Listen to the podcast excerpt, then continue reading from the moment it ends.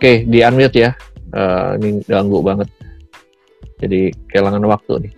Oke, saya lanjut lagi. Jadi uh, komunikasi massa adalah sebuah proses penyebaran informasi yang dilakukan oleh satu kelompok sosial tertentu dengan menggunakan teknologi kepada pendengar atau hadirin yang luas gitu ya dan heterogen tersebar di mana-mana jadi ada satu kata kunci ya uh, yang kalian nggak usah apalin kalimatnya tapi pegang kata kuncinya aja gitu kata kuncinya apa komunikasi massa itu adalah proses penyebaran informasi uh, yang ini jadi ada masalah yaitu kata kunci yang harus kalian pegang adalah hadirin yang luas gitu ya.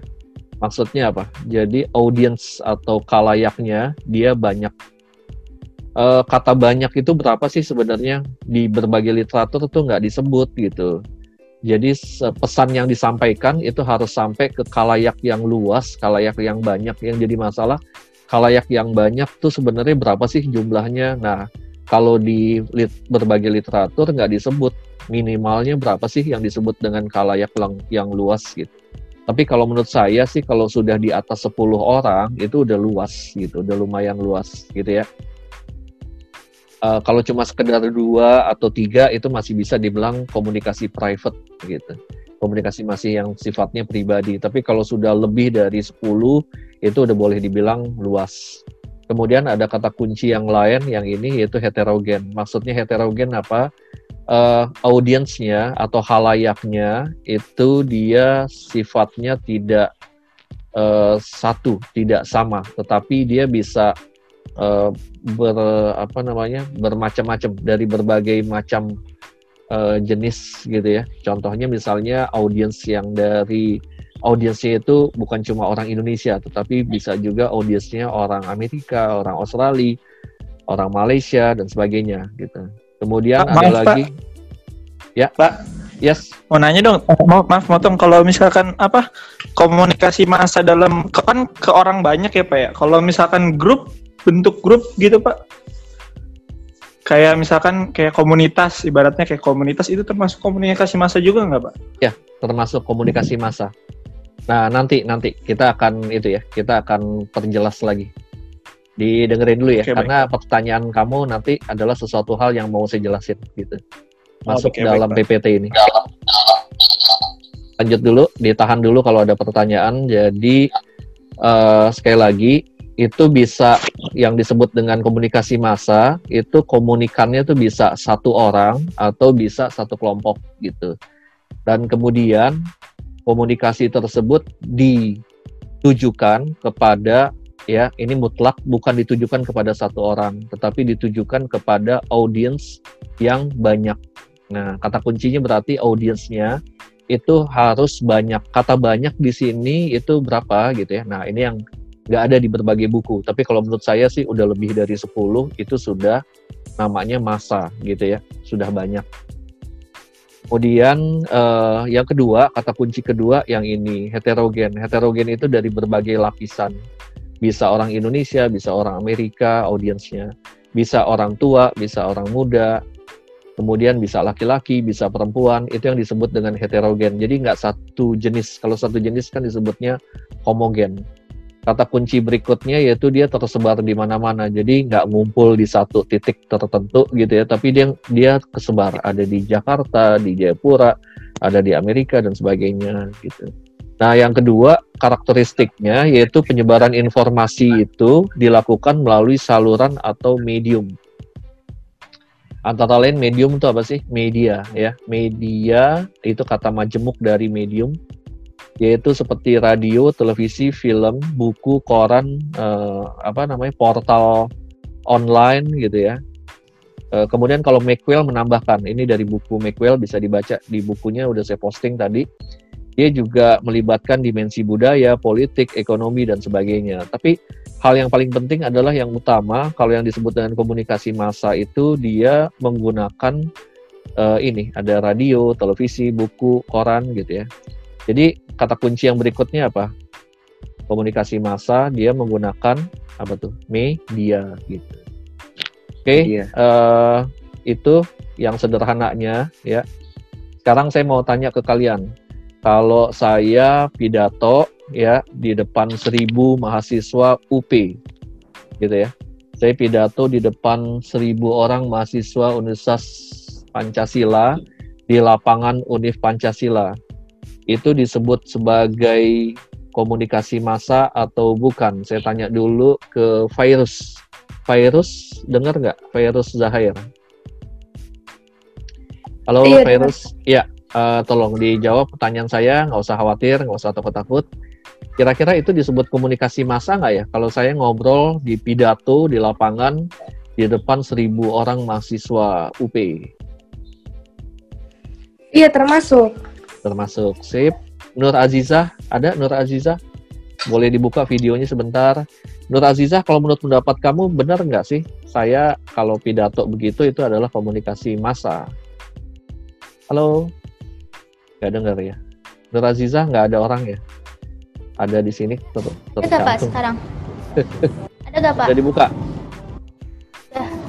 Tadi Ya. pakai headset kayaknya headset saya rusak. Ya, dijawab. Eh, jadi komunikasi massa atau bukan tuh? Kalau saya ngobrol dengan seri eh, ngobrol lagi pidato pidato dengan seribu orang gitu. Masuk dalam kom- eh, komunikasi komunikasi massa Pak. Masuk dalam komunikasi massa. Tapi ada satu yang kalian lupa gitu. Oh, yang lain eh, udah itu ya dengar ya tadi ya se- apa masukan dari apa jawaban dari Dengar, Pak, dengar. teman kamu.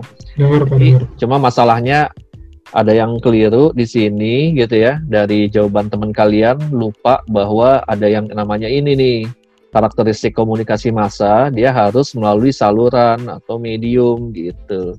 Jadi kalau saya pidato di depan seribu orang langsung gitu ya bahkan dia terkumpul di satu dia nggak tersebar kemudian dia saya ngomongnya langsung itu nggak masuk dalam ranahnya komunikasi massa tetapi dia masuk sebenarnya eh, dalam ranah yang berbeda gitu. Bisa komunikasi publik gitu ya, bisa komunikasi politik dan sebagainya, tapi dia bukan masuk dalam yang ranahnya kajian komunikasi massa. Karena kalau komunikasi massa dia harus ada medium. Mediumnya bisa portal, bisa media sosial gitu ya, bisa radio, televisi, kayak begitu. Gitu, gitu ya kira-kira ya teman-teman ya. Tapi Pak, Pak, kalau bukan Yes. termasuk medium, Pak. Gimana? Sorry, Kalau orasi gitu bukan termasuk medium. bukan. Yang digunakan. bukan. Mediumnya apa? Kalau kita orasi mediumnya apa? Medium itu Ah. media ya, penyalurnya gitu. Medium, alat penyalurnya. Nah, mediumnya apa kalau saya orasi? Kayak apa? Pembesar suara bisa atau apa? Bukan, bukan itu. Bukan.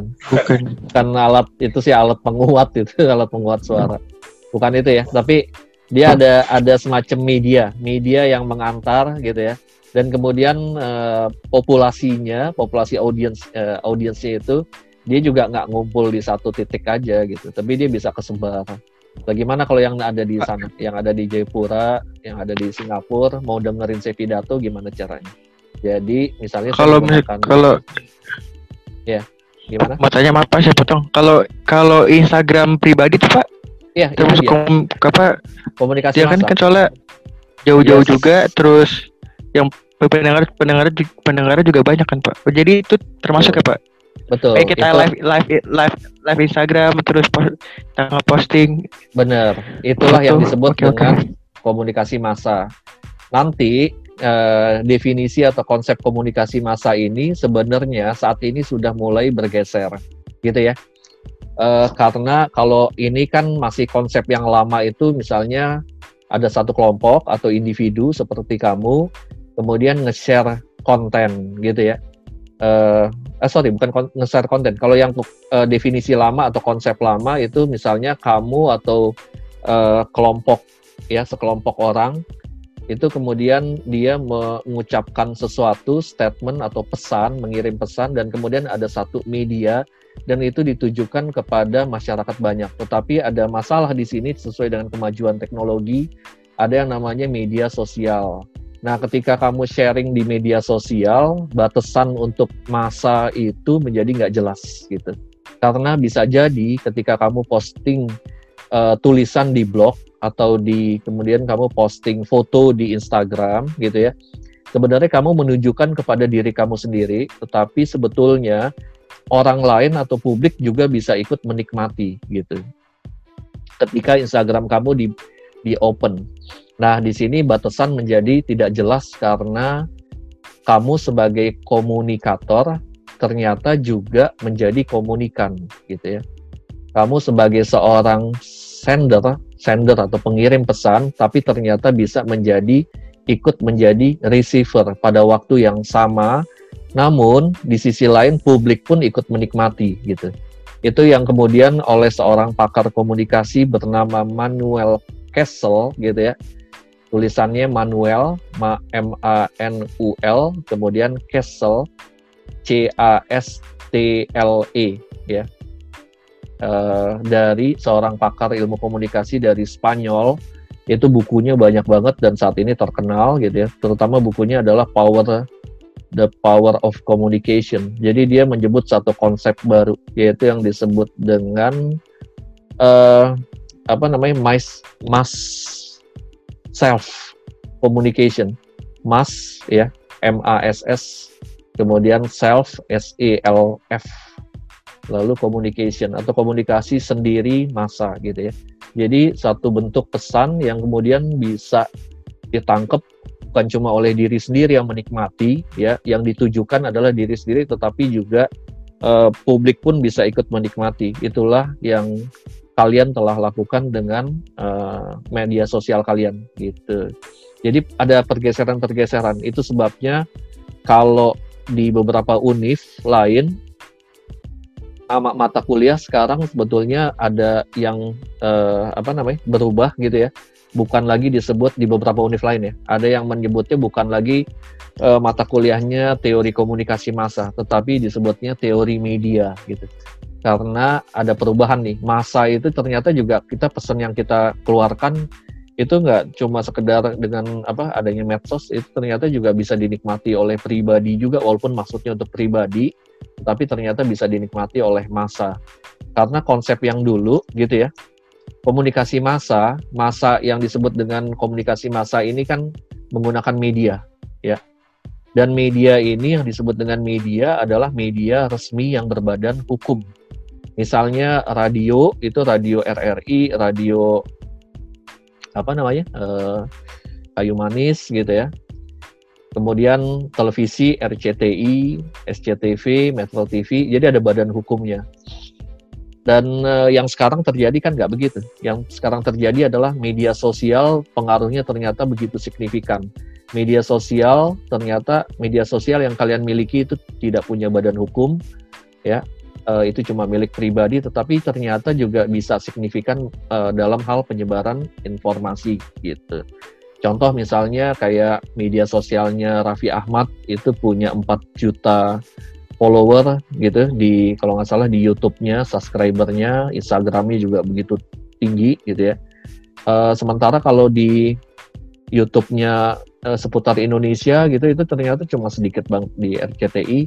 Jadi jauh lebih banyak uh, bahkan yang media yang dimiliki oleh uh, individu dibanding dimiliki oleh sebuah badan hukum media yang dimiliki oleh sebuah media berbadan hukum gitu. Jadi uh, di sini kata komunikasi massa sendiri agak mengalami pergeseran gitu ya. Karena dalam hal penyebaran informasi untuk massa ternyata nggak cuma harus dilakukan oleh sebuah in, sebuah institusi berbadan hukum, tapi bisa juga oleh individu-individu gitu. Melalui apa? Melalui media sosial. Pernah nonton itu nggak uh, podcastnya atau YouTube-nya uh, Deddy Corbuzier gitu ya kalau kalian pernah nonton itu dia yang apa yang dia lakukan itu adalah uh, melakukan aktivitas jurnalisme atau jurnalistik. Apa yang dilakukan oleh Deddy Corbuzier melalui podcastnya dia gitu. Nah, um, cuma dia disebutnya bukan sebagai jurnalis gitu, tapi dia disebutnya sebagai jurnalis warga atau citizen jurnalis. Tapi itu menyebar ke semua dan bahkan ratingnya bisa melebihi rating televisi gitu viewernya. Oke, itu uh, lanjut ya.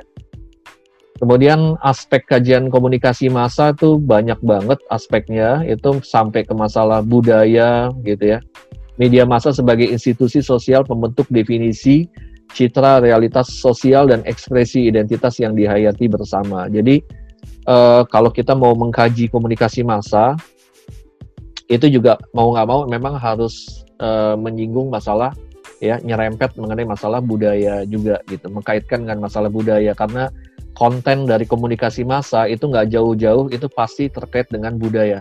Nggak bisa misalnya uh, di budaya yang berbeda kita bisa kontennya bisa sama gitu itu nggak mungkin. Ya di apa budaya di barat itu misalnya yang namanya free sex itu bisa bebas. Tapi kalau di Indonesia itu kan nggak gitu ya begitu juga kayak misalnya di media sosial kalian kalau di sana di barat sana ngomong jorok seperti apa pun bisa. Tapi kalau di Indonesia ini sedang dibahas kalian nggak boleh lagi ngomong anjay gitu. Anjir gitu ya. itu bisa berbahaya gitu. Mau dibahas itu. Hati-hati. Kemudian uh, ada aspek lagi aspek politik. Gitu. media massa itu juga nggak bisa lepas dari aspek politik ya uh, kalau misalnya di negara-negara yang diktator dan negara-negara yang uh, sangat kuat atau negara demokrasi itu akan terpantul, akan terrefleksi dalam konten media masanya. Kemudian juga media masalah institusi bisnis untuk mendapatkan profit ya ekonomi. Ini adalah aspek yang ketiga. Uh, media nggak bisa lepas dari masalah uh, ekonomi. Jadi dia juga akan dipengaruhi oleh para pemasang iklan, kemudian uh, ownernya, pemiliknya gitu. Lalu persoalan dalam semua aspek tersebut mencakup, mencakup nilai konflik sosial dan politik ya gabungannya aspek kajian komunikasi massa untuk memahami lingkup kajian uh, sering kali dihubungkan dengan dampak hubungan antara media dan masyarakat serta isi. Nah, semester ini saya selain ngajar komunikasi massa, saya ngajar uh, dampak kajian media di UP. Jadi saya ngajar dua kelas nih. Yang satu kelas lagi selain ngajar kalian, saya ngajar kelas dampak kajian media. Jadi mau nggak mau memang di awal-awal itu beririsan. Cuma kelas yang dampak kajian media itu di semester 5 dia akan nanti akan bicara lebih kepada pengaruh dari media gitu. Analisis-analisis, kajian, teori-teori yang terkait dengan dampak. Tapi kalau kalian ini nanti lebih ke uh, teori-teori dulu gitu apa di mata kuliah uh, Komas ini. Kemudian kalau Little John itu membagi bidang teori media dengan menghubungkan dengan tiga area tematik yang besar yaitu isi dan susunan media ya. Kita ngomongnya biasanya bilang konten. Kemudian masyarakat dan budaya yang kedua adalah masyarakat dan budaya. Kemudian yang ketiga adalah audience. Jadi uh, kalau uh, teori-teorinya media itu biasanya nggak jauh dari ini dari tiga ini gitu yang pertama adalah mengenai masalah teori-teori yang terkait dengan isi atau kontennya media gitu ya Misalnya teori analisis wacana kritis, analisis isi gitu ya. Analisis isi kualitatif itu ada rangkuman teori-teorinya di sana. Framing, ada ada semiotik gitu ya. Itu masuk dalam uh, teori yang terkait dengan konten media. Kemudian ada lagi yang teori-teori masuk dalam masalah masyarakat dan budaya gitu ya. Eh, teori-teori uh, yang sifatnya apa ya? Misalnya uh, konstruksi realitas media gitu. Itu ada satu teori konstruksi realitas sosial tapi yang terkait dengan media. Kemudian ada lagi yang teori-teori yang terkait dengan uh, audience. Misalnya teori uh, resepsi gitu ya. Bagaimana sih audience ketika dia menerima satu berita tertentu bagaimana uh, apa namanya resepsi dia, bagaimana penerimaan? Resepsi itu penerimaan reception. Bagaimana penerimaan si audience. Jadi intinya teori-teorinya tuh banyak sekali gitu teori di bidang media. Tetapi areanya tuh pasti cuma ada tiga ini gitu. Konten kemudian yang terkait dengan masyarakat dan budaya serta audience uh, kemudian apalagi ya tema dan ya ini masih aspek kajian tema isi dan susunan media itu mencakup pengaruh media dan isi. Tema ini memberikan perhatian khusus kepada tanda simbol yang digunakan dalam pesan media gitu ya. Jadi uh, apa yang muncul di media, misalnya kayak berita, foto dan sebagainya, itu bukan hal yang betul-betul pure, real gitu ya. Yang sebenarnya itu bukan, tetapi dia sudah dikonstruksi sudah dibentuk oleh si media gitu. Jadi eh misalnya dibentuknya apa? Kalau di media itu saya ngomong, saya diwawancara oleh seorang wartawan, kemudian nanti berita itu akan ditulis gitu ya, itu disesuaikan dengan eh, ideologi dari si media tersebut, disesuaikan dengan arah kebijakan gitu ya, oleh arah kebijakan dari si media. Jadi kemungkinan ada bagian-bagian dari ucapan-ucapan saya yang dipotong-potong, diedit gitu. Ada bagian yang dibuang. Kemudian juga bisa jadi juga konstruksi itu dibuat dengan cara pemilihan orang yang diinterview gitu. Dia akan memilih si wartawan akan memilih orang yang diinterview yang kira-kira akan sejalan dengan ideologinya dia gitu. Jadi eh gitu ya. Jadi nggak se apa apa yang muncul di media itu selalu sudah melalui tahap konstruksinya gitu oleh redaksi. Tema yang kedua adalah masyarakat dan budaya yang mencakup fungsi komunikasi massa dalam masyarakat, penyebaran informasi, pengaruh opini gitu ya.